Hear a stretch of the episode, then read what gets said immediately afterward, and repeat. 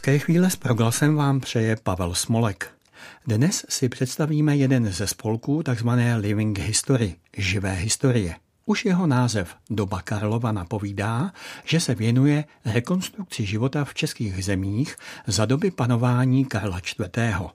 Mým hostem je předseda spolku Tomáš Zdeslav Straka. Ať jsme se se Zdeslavem dlouho neviděli, tak kdysi, když spolek v roce 2009 vznikl, jsem po nějaký čas přihlížel a velmi okrajově se zapojoval do jeho činnosti. Od té doby se se Zdeslavem známe a tykáme si. Vítej na proglasu. Ahoj Pavle, děkuji za pozvání. Nemáš zač. Začal bych tím, co tě osobně zaujalo na době Karla IV., že se věnuješ právě tomuto období a spolu s tebou, nesmím zapomenout, podotknout nemalý počet lidí. Na Karlově době mě zaujalo, asi řekl bych primárně taková ta jako romantika těch rytířských příběhů a to, že moje maminka, která je učitelka dějepisu, měla doma eh, knížky, které se tomuhle období věnovaly. A mě to jako od malička fascinovalo. A potom na střední škole jsem se o to začal zajímat trošku do hloubky, začal jsem si číst i jako odbornější věci a na Karlovi mě v podstatě od začátku fascinuje eh, ta jeho vize, jo, když to tak řeknu, nebo nějaká státotvornost, to, že zakládal ty projekty a většinu z nich neviděl nikdy dokončený a měl ten obrovský přesah, eh, za což mu byli vděční i lidi ve středověku, který následovali v generacích po něm a jsme mu vděční i my do dneška. Tady prostě ty stopy po něm máme a a myslím, že máme být za co vděční. Ty jsi říkal, že tě zajímaly rytířské příběhy. Byl Karel IV. opravdový rytíř?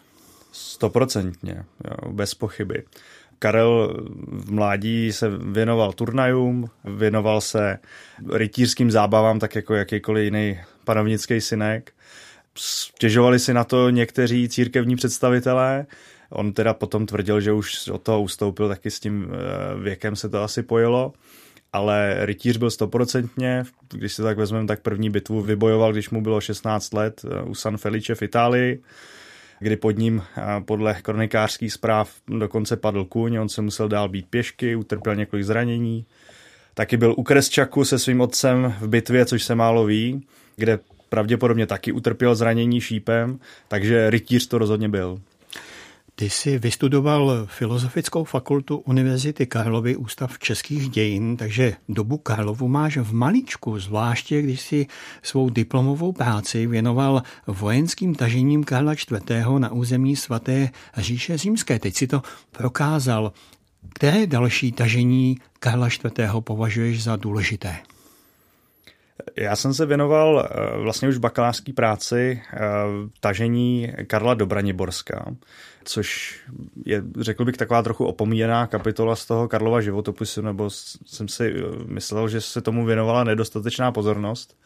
A já jsem chtěl vlastně zmapovat, k čemu v tom Braniborsku docházelo, protože tam opravdu probíhala, probíhal docela rozsáhlý konflikt, byly to dvě tažení v roce 1371 a 1373, které nakonec vyústily v to, že Karel IV. porazil svého nepřítele, Otu Braniborského, a nabídl mu nabídku, kterou eh, obležený v poslední pevnosti už v podstatě nemohl odmítnout a to je odkup Braniborska, které následně tedy zdědili Karlovi synové. Prozrať mi, teď půjdeme k vašemu spolku Doba Karlova. Proč máte jako spolek uvedeno, že se věnujete době Karla IV. od roku 1350 do roku 1378, tedy do roku úmrtí Karla IV., ale on byl českým králem už od roku 1346 a já bych předpokládal, že si zvolíte celé období jeho panování jako dobu, které se věnujete. Jo, to je pravda. to je... Uh... To jsi dobře všimnul. Ono to je dáno, řekl bych, historickým vývojem toho spolku, protože my jsme eh, původně, když jsme ten spolek zakládali, nebo tu iniciativu, s eh, Pavlem Macku, s archeologem, který je šéfem památkového ústavu v Telči, tak eh, jsme se chtěli zaměřit na druhou polovinu 14. století. Neměli jsme to tak úplně vyhraněno jako na tu dobu Karla IV. Takže tam byla ta hranice 1350 až 1400 vlastně. A potom jsme to stáhli na těch 1378, tedy umrtí Karla, ale už, už nám tam těch 1350 zůstalo. Mohli bychom to asi klidně změnit, ale už to tak máme zažitý tradičně, že to je ta druhá polovina 14. století, protože ta přinesla spoustu změn v oblasti vojenství, módy, životního stylu a tak dále v českých zemích, eh, že je to opravdu něco jiného než ten začátek první polovina 14. století. Mimochodem, na Pavla bych se chtěl zeptat, je stále aktivní ve spolku Doba Karlova? Ve spolku aktivní není, už nějakou dobu, nicméně pořád jsme přátelé, pořád se potkáváme na historických akcích, eh, sem tam, spolupracujeme a uh, budu rád, když se dostanu na jeho turnaj, který pořádá na hradě Lipnici. Takže uh, rozhodně víme o sobě, přátelíme se, vídáme se. Jak se liší činnost vašeho spolku živé historie od šermířských skupin, které mohou lidé vidět vystupovat na hradech a zámcích nebo při nejrůznějších slavnostech? Čemu všemu se vy věnujete a hmm. v čem se lišíte? Já bych řekl, že se lišíme hlavně v tom přístupu k tomu stvárňování historie, protože ehm, my neděláme primárně ehm, divadlo, neděláme show a zas tak dobře to neumíme, jako ti, co to dělají. To si musíme přiznat. A na druhou stranu se snažíme divákům pokud možno v co nejlepší formě, nejvěrohodnější formě přiblížit ten středověk tak, jak si myslíme podle aktuálních poznatků, že vypadal. To znamená, že se snažíme, aby všechno, co máme na sobě, všechno, co se tam děje, co máme na stole za jídlo a podobně, tak aby odpovídalo tomu, jak to skutečně mohlo v době Karlově vypadat. Aby to bylo takové, řekněme, jako okno do minulosti pro ty lidi, když nemáme fotky, nemáme videa z toho období, tak aby si to dokázali nějakým způsobem představit. Ty jsi říkal, že neumíte dělat takovou show jako třeba někteří profesionální šermíři. Jsou tedy potom vaše akce, řekl bych, divácky atraktivní? Tak já doufám, že ano. jako my se snažíme, aby byly, aby to nebyl nějaký suchopárný jako dějepisecký výklad, ale aby to bylo interaktivní přiblížení minulosti divákovi s tím, že tam teda primární není, není ta show, je primární je nějaké poučení, ale zároveň, aby to bylo poutavou formou. A jakých akcí se účastníte jako doba Karlova, kde se s vámi veřejnost může potkat? Tak je, je to celá řada eh, akcí za rok. Tradičně to byla bitva eh, Libušín, což je historický festival, který se odehrává v obci Libušín zakladném. Také jsme donedávna, a věřím tomu, že to snad bude ještě v nějaké formě pokračovat, otvírali sezonu na Pražském hradě, kde jsme vystupovali spolu se spolkem Falconia, se kterým už nějakou řádku let spolupracujeme, což jsou historičtí sokolníci. Potom máme naší eh, tradiční setkávací akci, která se jmenuje Karlovská zběř, tu máme každý rok. A nově jsme taky navázali spolupráci se Skanzenem v Bernau Tachov, což je kousek od našich hranic středověký skanzen, kde se aktuálně buduje opevněný dvorec, vlastně taková, takový zájezdní hostinec s hradbou, který tam stával právě za Karlovy doby a Karel eh, v něm často přenocoval, když cestoval do Norimberka. Mě by zajímalo, ta Karlovská zběř, je to akce, která je určená jenom pro vaše členy, nebo se jí může zúčastnit i někdo zvenčí? Jak probíhá, co se tam všechno děje? Mm-hmm. Je to akce, která je primárně určená pro naše členy, nicméně účastní se její i nečlenové, dost typicky nováčci, kteří se zajímají o tohleto období a domluví se s někým z pánů nebo z těch šlechtických družin, že je vezme sebou. Tahle akce není přístupná veřejnosti nebo není primárně určená pro veřejnost, ale je pro nás. A děje se tam to, že e, se snažíme e, si představit, jak by vypadalo takové setkání šlechticů ve 14. století, to znamená, jsou tam nějaké dobové zábavy, hry, eh, banket, řeší se tam i politika. Ti lidé si v podstatě hrají nějaké svoje středověké role a snaží se vžít do toho, jak by to tehdy vypadalo. Ty jsi ještě také zmínil skanzen Bernau Tachov. Co nám o něm můžeš říci a třeba můžeš doporučit jeho návštěvu našim posluchačům, kde se nachází? Určitě, určitě. Je to asi 15 kilometrů za Tachovem v Německu. Je to, co se týká počtu objektů, největší středověký skanzen v Německu. A zajímavý na něm je to, že tam můžete sledovat stavební vývoj toho, jak vypadalo osídlení od raného středověku až do konce 13. století, řekněme. To je ta největší budova potom, která tam je. A nyní k tomu přidávají to, že právě začali budovat ten uh, opevněný dvorec Karla IV., což bude největší objekt, ale budují to dobovými postupy a dobovými nástroji za spolupráce s předními řemeslníky a se spoustou dobrovolníků. Teď aktuálně se rozhoduje o tom, že eh, se jim snad eh, přiklepne víc peněz od bavorské vlády, takže by se to mohlo trošku zrychlit, ale bude to, bude to práce na, na léta. Co je zajímavé, je opravdu eh, možnost vidět, jakým způsobem se stavil v tom středověku, což je unikátní ve střední Evropě. A oni se nějak odkazují ke Karlu IV. nebo vztahují se k němu? A samozřejmě, samozřejmě. Karel je i pro Němce významným panovníkem, ta iniciativa Via Karolína tam působí, to znamená eh, lidé, kteří se pohybují kolem té eh, staré zemské stezky z Prahy do Norimberka a ten objekt v podstatě vznikl na Karlovu objednávku, takže přímo s Karlem spojený a víme, že, že on tam eh, několikrát přenocoval na tom místě a pravděpodobně ho využíval pravidelně při, při cestách do Norimberka.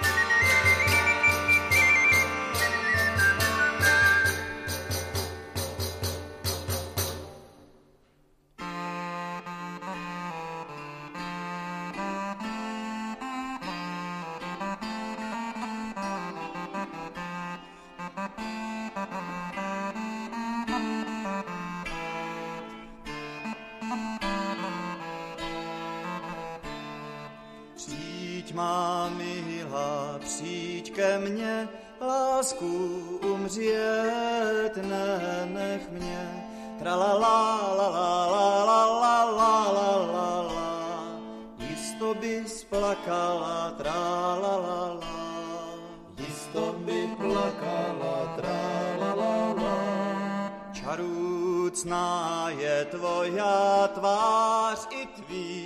tvých očí jasná zář. Tra la la la la la la la la la la la Jisto by splakala, tra la la la Jisto by plakala, tra la la la Krásnější je všech rože je, bělejší než lílie tra la la la la la la la la la la jisto bys plakala, tralala.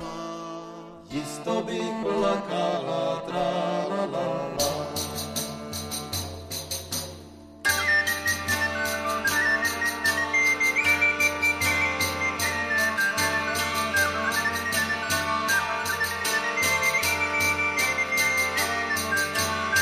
Vivit vivit vivit ile, vivit ila, vivit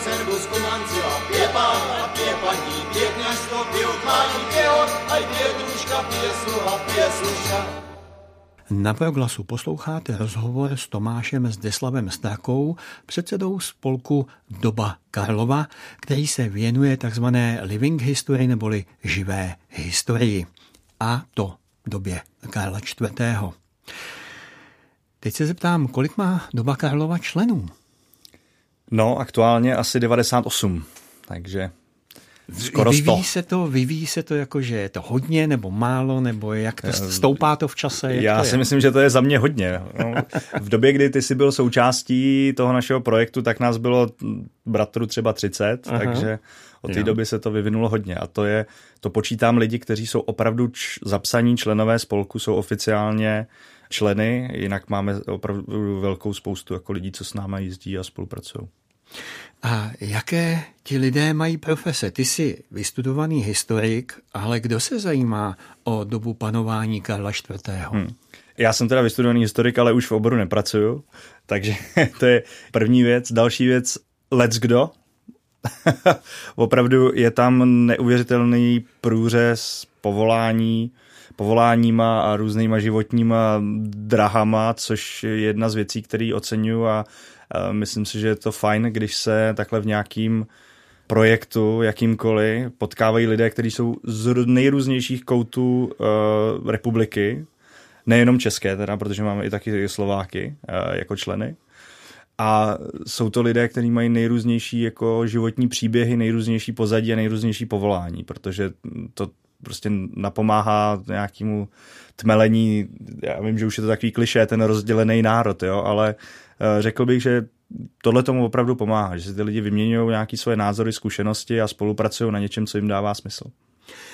Ty jsi zmínil, že eh, se snažíte nebo fungujete na bázi šlechtických družin, snažíte se rekonstruovat šlechtické družiny českých a moravských pánů, tak jak pravděpodobně vypadaly ve 14. století.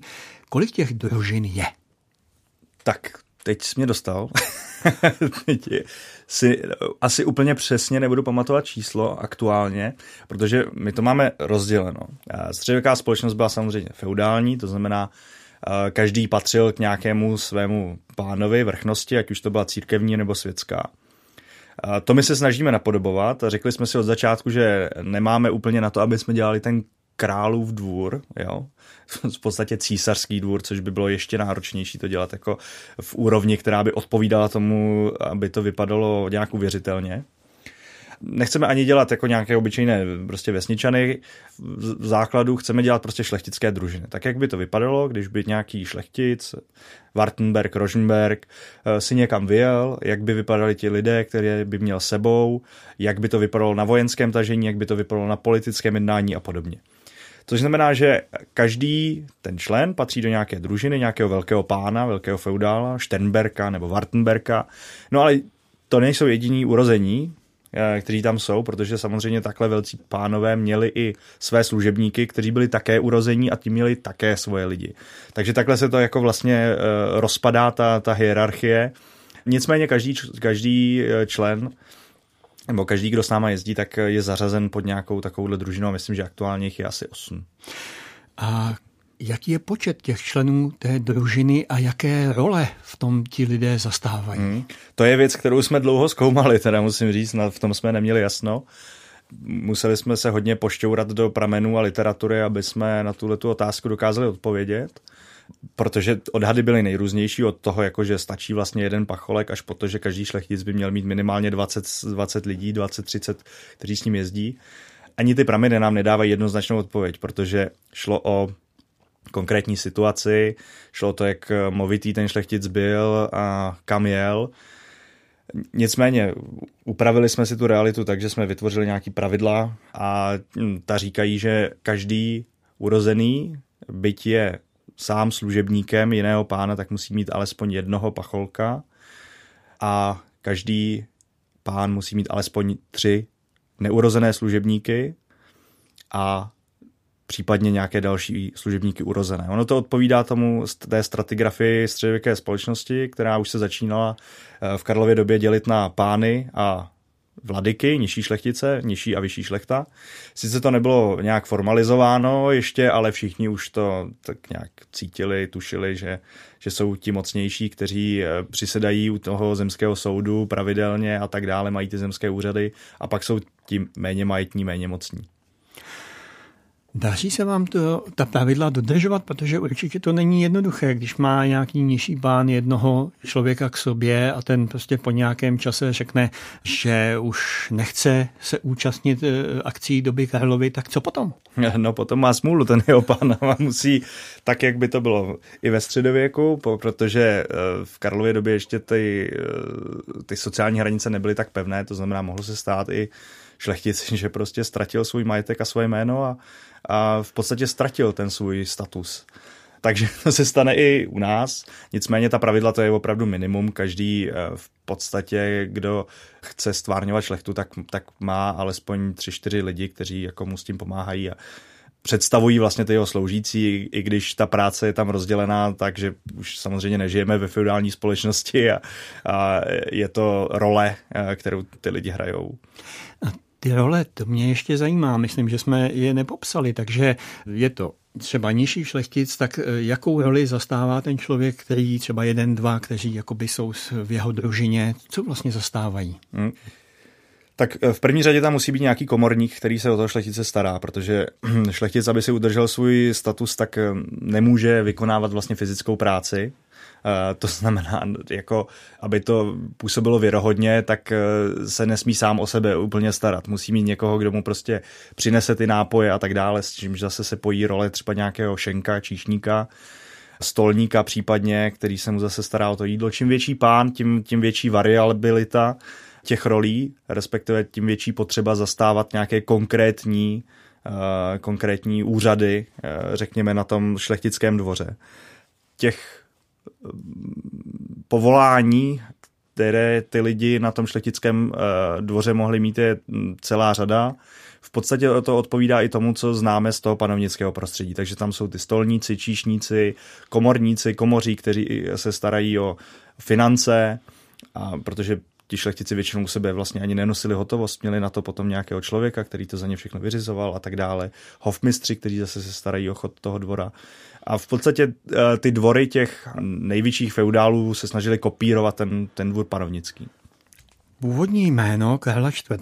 byl Václav. To se tolik neví. Jaký byl vztah Karla IV. ke svatému Václavovi? Řekl bych, že výjimečný. Karel měl svatého Václava ve velké úctě, jak osobně, tak i v rámci jeho politiky. On se velice odkazoval k přemyslovcům, cítil se jako potomek velkých přemyslovských králů, jeho dědečkem byl Přemysl Otakar II., předkem tedy, ke kterému se často hlásil.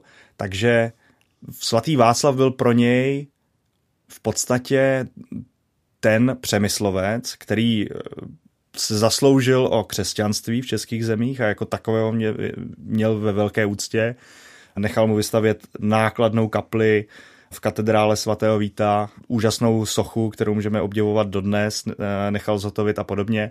Svatý Václav se objevoval i na dalších hradech eh, ve svaté říši římské, a na několika místech jsou e, i tam sochy dochované dodnes. Takže vedle svaté Kateřiny svatý Václav je určitě jedním z nejdůležitějších patronů pro Karla. Já se na to ptám i proto, že vaše družiny nastupují do boje pod praporem svatého Václava. Proto jste si ho zvolili, že takovýhle vztah měl Karel IV. k němu? Přesně tak.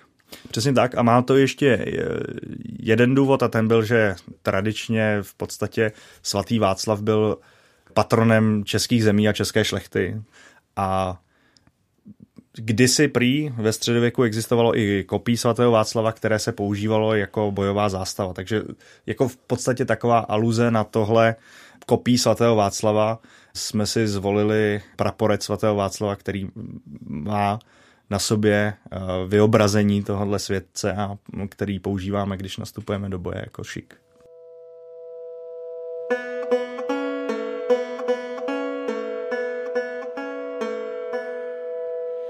Svatý Václave,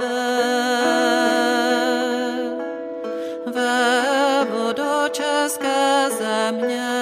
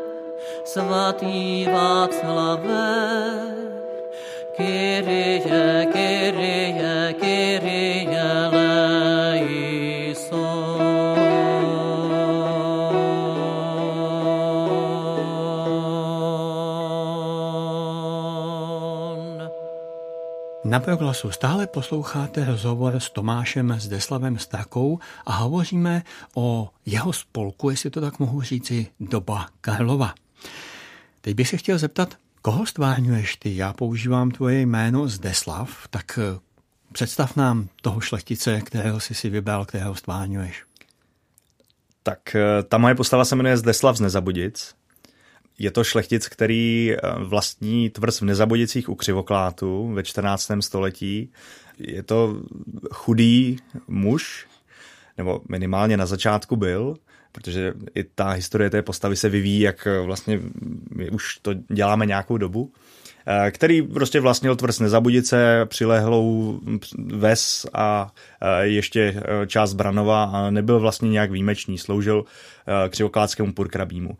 Jenže v tom našem příběhu se dostal do služby nejvyššího pražského purkrabího Ježka z Wartenberka, eh, získal od něj malé léno a dostal se do jeho družiny a s tím samozřejmě se dostal do vyšší politiky, do světa, do kterého mohlo nahlédnout jenom málo nižších šlechticů, nicméně takový byli i za Karla.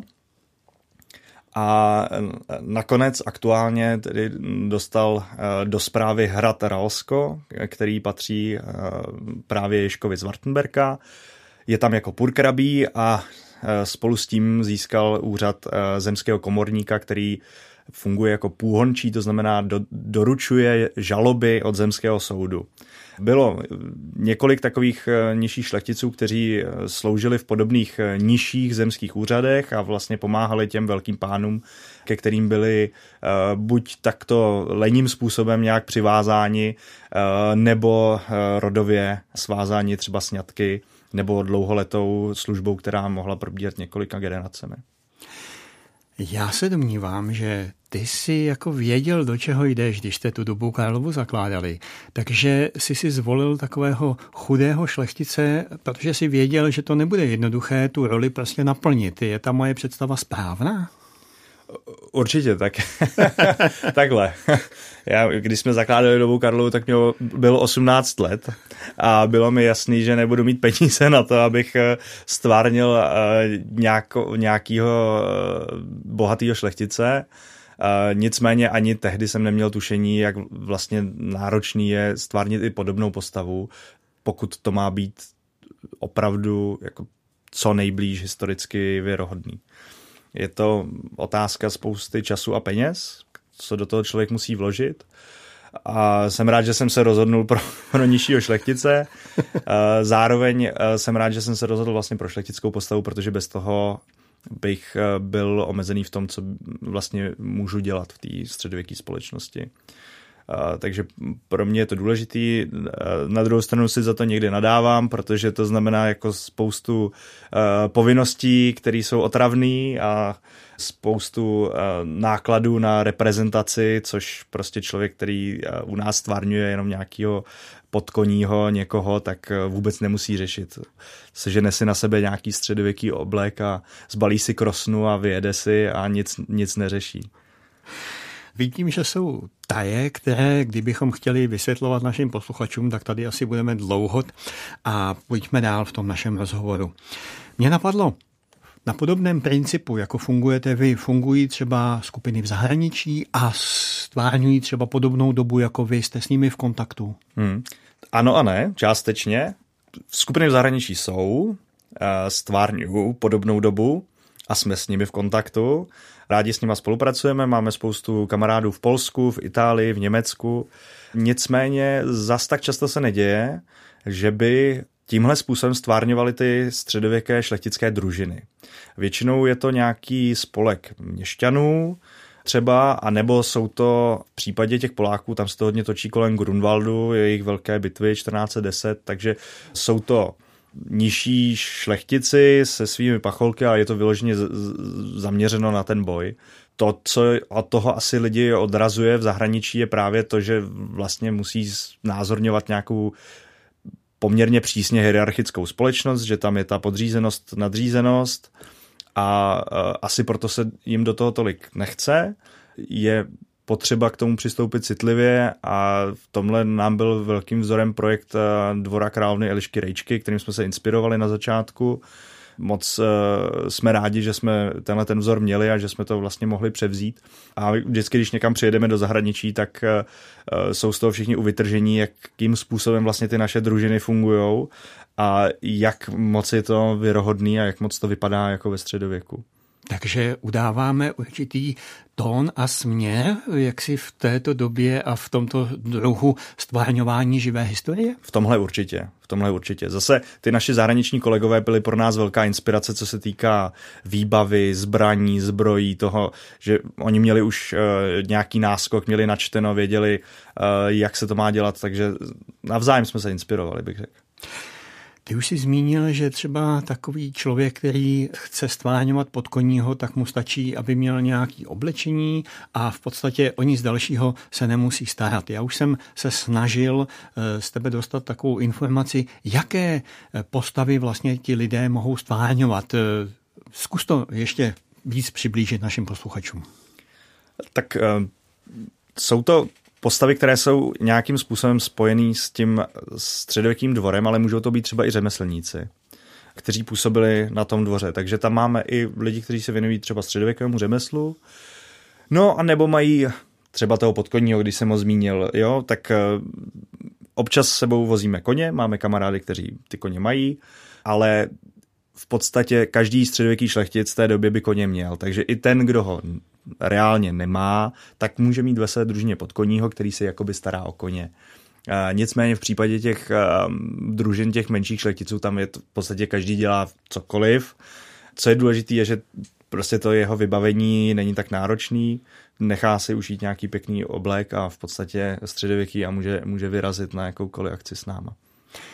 My teď, eh, mám pocit, pořád mluvíme o mužích.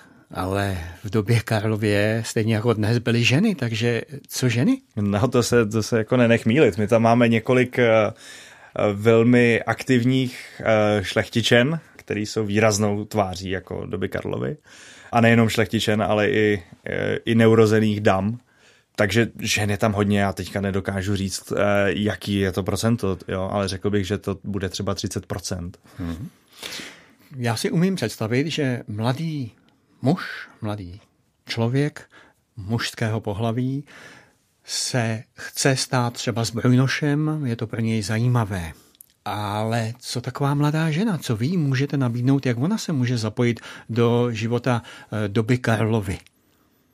V podstatě podobně. Eh, tím, že my se nezaměřujeme jenom na, ten, na tu rekonstrukci boje, ale na tu společnost jako celek, tak každá ta eh, středověká urozená dáma k sobě potřebuje nějaký ženský doprovod a tam to uplatnění je vždycky. Bylo i ve středověku, ty, ty ženy se obklopovaly ženami, žily v ženské společnosti, takže v podstatě ty neurozené ženy prováděly podobné úkony jako muži, ale starali se o ty, o ty dámy. Vy máte poměrně detailní pravidla oblečení, o tom už jsme mluvili. Ty si říkal, že se snažíte, aby eh, váš oděv byl co nejvíce podobný tomu, jak eh, se lidé v té době oblékali. Hmm. Vy třeba řešíte například i brýle. Já, který brýle nosím, tak vím, že s tím bych měl problém, hmm. že buď musím mít kontaktní čočky, nebo dobové brýle. Můžeš to třeba trošku přiblížit? Je to tak, no. Je, je to trošku eh, takový pravidlo, který se může zdát přísný, ale řekli jsme si na začátku, že pokud to chceme opravdu, aby to vypadalo jako ve středověku, tak eh, z toho nebudeme ustupovat. A buď teda ti lidé si pořídí čočky, anebo v krajním případě, když čočky nemůžou nosit, tak eh, už ve 14. století existovalo eh, něco jako brýle, takové dřevěné obroučky se skly, které se používaly na čtení, tak je to takový způsob, jak to vyřešit, když člověk ty čočky nemůže nosit třeba nějaká další pravidla, která jsem nezmínil a které by si rád představil našim posluchačům, když by se někdo chtěl zapojit do eh, činnosti doby Karlovy? No tak eh, v podstatě to se to točí hlavně kolem toho, jak, jak vypadáme primárně. To znamená, eh, co se týká oblečení, je tam spousta věcí, které moderního člověka překvapí, například, že ve 14. století se nedocily kalhoty, že jo? Jak eh, nám se snaží třeba prodat filmoví tvůrci, ale byly to vždycky oddělené nohavice, takže byly jenom vlastně takové, takové šortky, kterým se říká bruchy, na ty se přivazovaly nohavice na každou nohu zvlášť. Pak jsou to dobové boty, které je teda potřeba si nechat ušít od nějakého ševce, který se věnuje dobové obuvy. Nějaké základní nádobí, miska pohárek, lžíce, aby se člověk měl jak najíst. No a něco na spaní a potom se domluvit s nějakým šlechticem, který eh, vás ubytuje ve svém stanu výměnou za nějakou protislužbu. Ty jsi teď zmínil stany a já vím, že eh, jste prošli takovým vývojem a ty dnešní stany jsou velmi podobné podle mě, nebo jsou to v podstatě dobové kopie těch stanů. Můžeš je představit, jak jsou velké, kolik lidí se do nich vejde?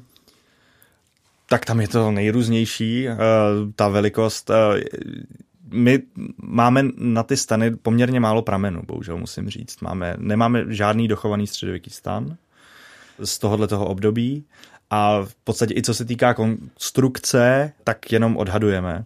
Taky tady používáme zrovna ústupek, že nepoužíváme úplně dobový materiál, protože většina z těch stanů eh, je z bavlny, ta bavlna se už ve 14. století používala na plachty, ale nemáme to úplně doloženo, takže by se to dalo použít na stany. Ty byly zřejmě z lnu nebo z vlny nebo z nějakých směsí. Nicméně snažíme se, aby tvarově to jako odpovídalo co nejpřesněji a do takového průměrného stanu se vyjde třeba pět lidí se tam poskládá na spaní, ale máme i ty velké pány, kteří mají jako opravdu velké stany. Vím, že náš rekord, eh, když jsme se schovávali před deštěm na jednom libušně, tak jsme eh, nadspali do toho stanu skoro 50 lidí.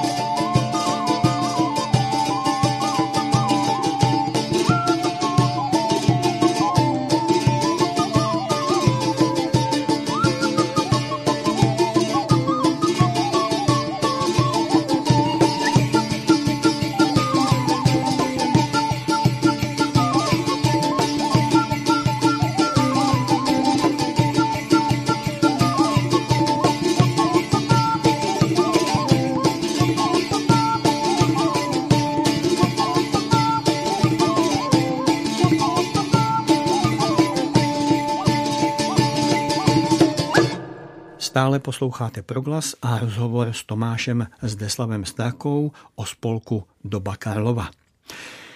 Na vašich akcích jíte i dobovou stravu, ty už si o tom před chvilkou mluvil. A Karel IV. prý měl rád dušené veverky a kaše s medem. Máte tyto pokrmy také na svém jídelníčku? No tak kaše s medem určitě, eh, ať jsou to jáhlové kaše nebo prosné a podobně. Med se používá velice často. Co se týká veverek, ty jsou snad pokud vím chráněný, takže ty my nelovíme.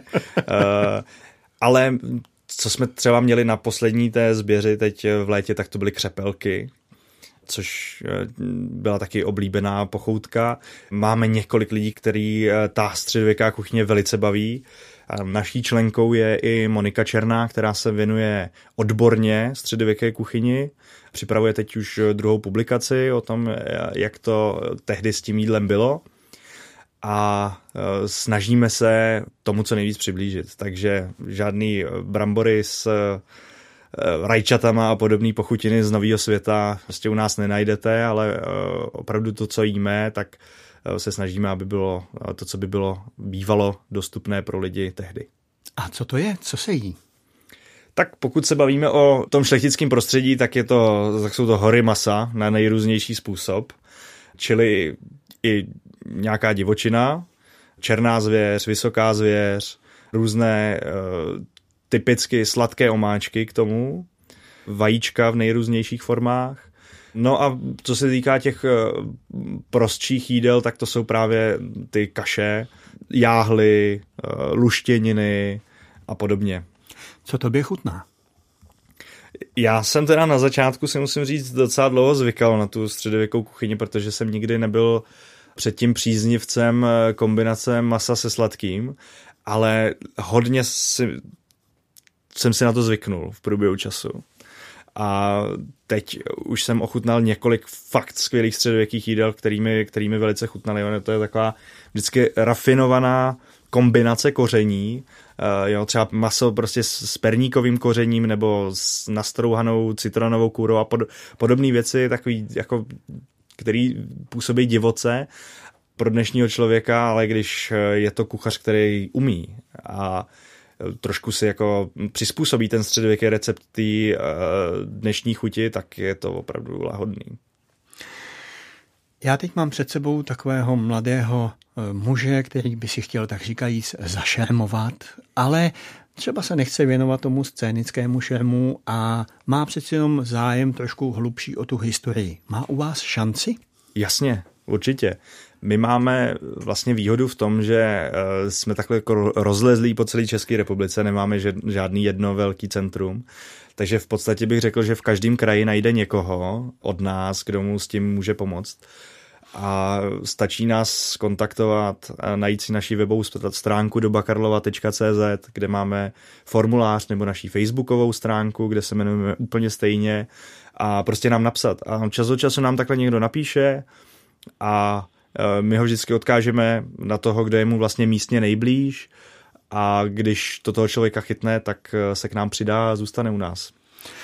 Já když jsem před těmi asi 14 lety se nějaký čas věnoval scénickému šermu, tak vybavit se nebylo úplně levné už v té době. Jak finančně náročné je zapojit se do vaší činnosti? No musím říct, že to taky není úplně levný. Teď nemluvím o tobě jako o šlechtici. Ne, jasně, ale i pro toho, řekněme, prostého člověka nebo neurozeného služebníka, tak to není jako tak, že si naklikáte něco na e-shopu nebo zajdete do Decathlonu a hnedka se oblíknete, jo, jako je to u jiných eh, koníčků a sportu. Je to nějakou dobu to trvá, my s tím dokážeme pomoct, ale musíte počítat s tím, že nějaký jako eh, nižší desítky tisíc do toho prostě časem padnou, s tím, že záleží samozřejmě, jak daleko to člověk chce táhnout, jakou výbavu, jestli vojenskou výbavu a jak kvalitní a tak dále chce mít.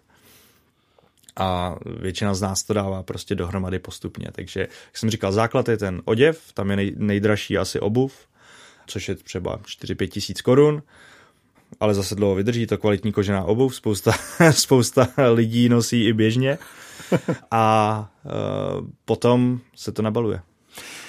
Já vím, že se třeba řeší takové věci jako nádoby na vodu, jako je čutory.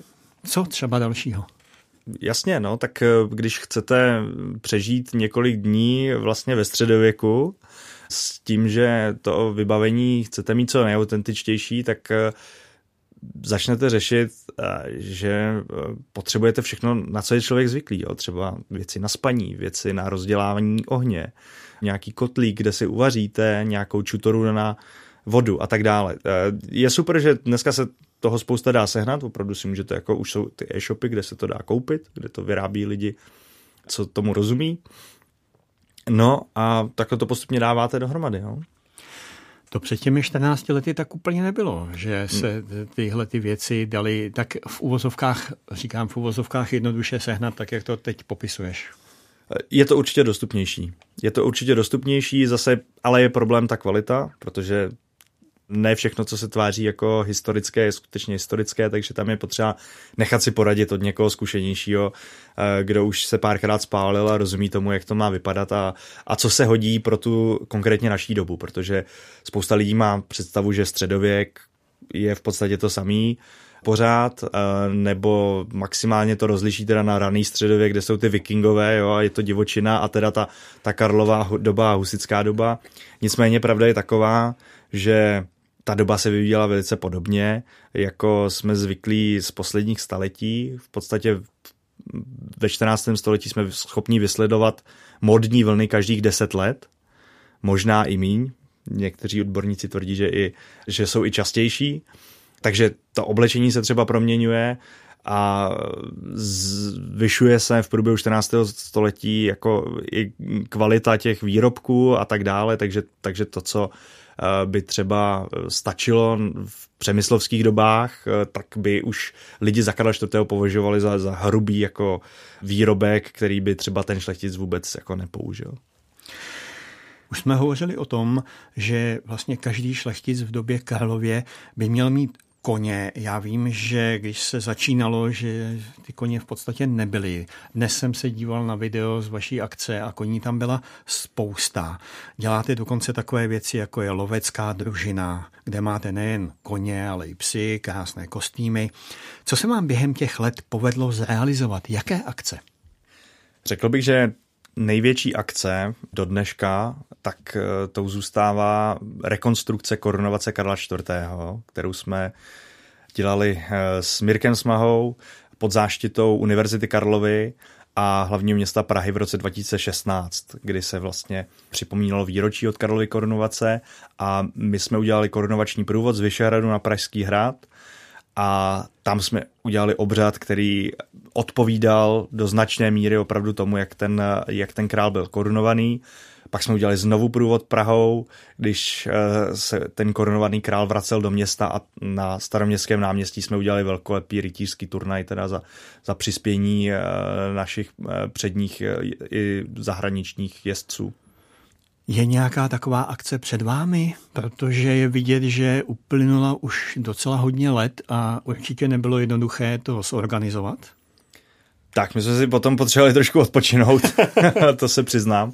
Potom eh, zase přišly covidové roky, takže teď se rozlížíme, říkáme si, co bude dál a máme zálusk na to, že bychom si rádi vytvořili pravidelnou s naší úplně vlastní akci v rámci nějakého pěkného hradu.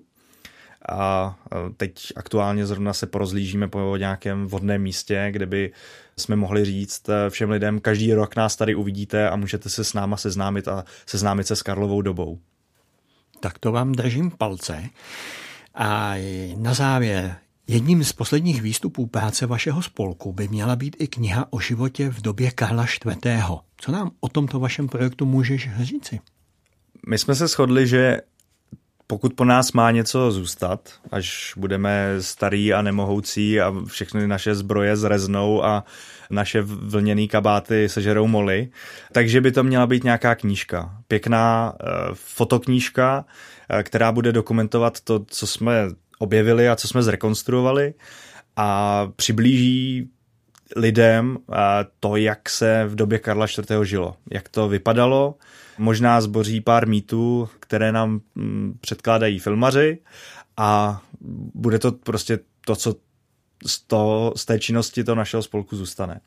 Aktuálně máme na to už poměrně dost nazbíraného materiálu, máme spoustu eh, super fotek díky spolupráci s eh, opravdu šikovnýma fotografama. A dáváme dohromady koncept té knihy, už máme nějaký nápad, jak by to mohlo vypadat a připravujeme pro eh, potenciální nakladatele ukázku jedné kapitoly. Takže aktuálně scháníme nakladatele a doufám, že se nám to povede a že ta knížka vyjde a bude se lidem líbit a budeme dělat radost. Tak já doufám, že k tomu třeba přispěje náš rozhovor. A to byl Tomáš Zdeslav Straka, předseda spolku Doba Karlova, který se věnuje rekonstrukci života v českých zemích za doby panování Karla IV. a který byl hostem na proglasu. Zdeslave, já ti děkuji za zajímavý rozhovor. Děkuji moc za pozvání. Není zač. Dnes jsme si představili jeden z příkladů living history, živé historie. Od mikrofonu se loučí Pavel Smolek, který vám přeje mnoho dalších témat k objevování.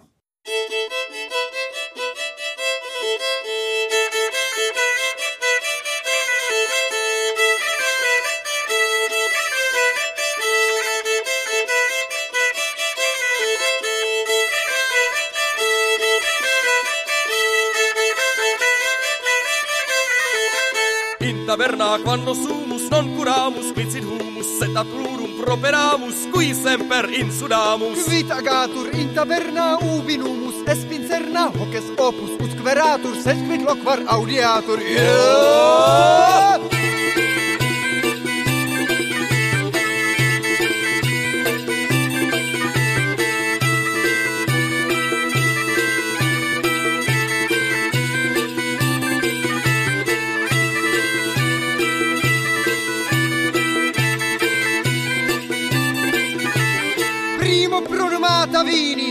hac vivunt libertini, semel vivunt pro captivis, posec vivunt ter provivis. Pater pro Christianis cunctis, quinquies pro fidelibus defunctis, sexies pro sororibus fanis, et septies pro militibus silvanis. Oh!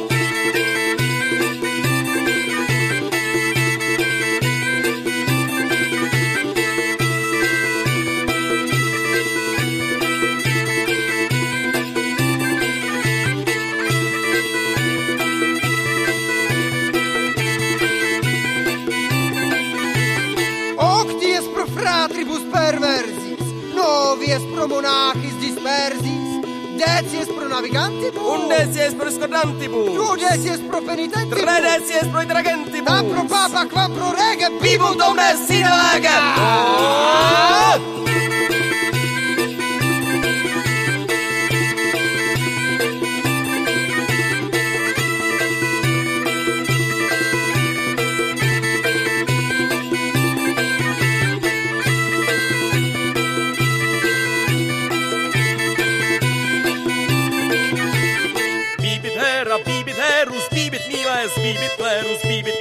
Ile, bibit ila, bibit servus cum ansila. Bibit velox, bibit piger, bibit albus, bibit niger, bibit constans, bibit vagus, bibit rudis, bibit magnus. Yeah!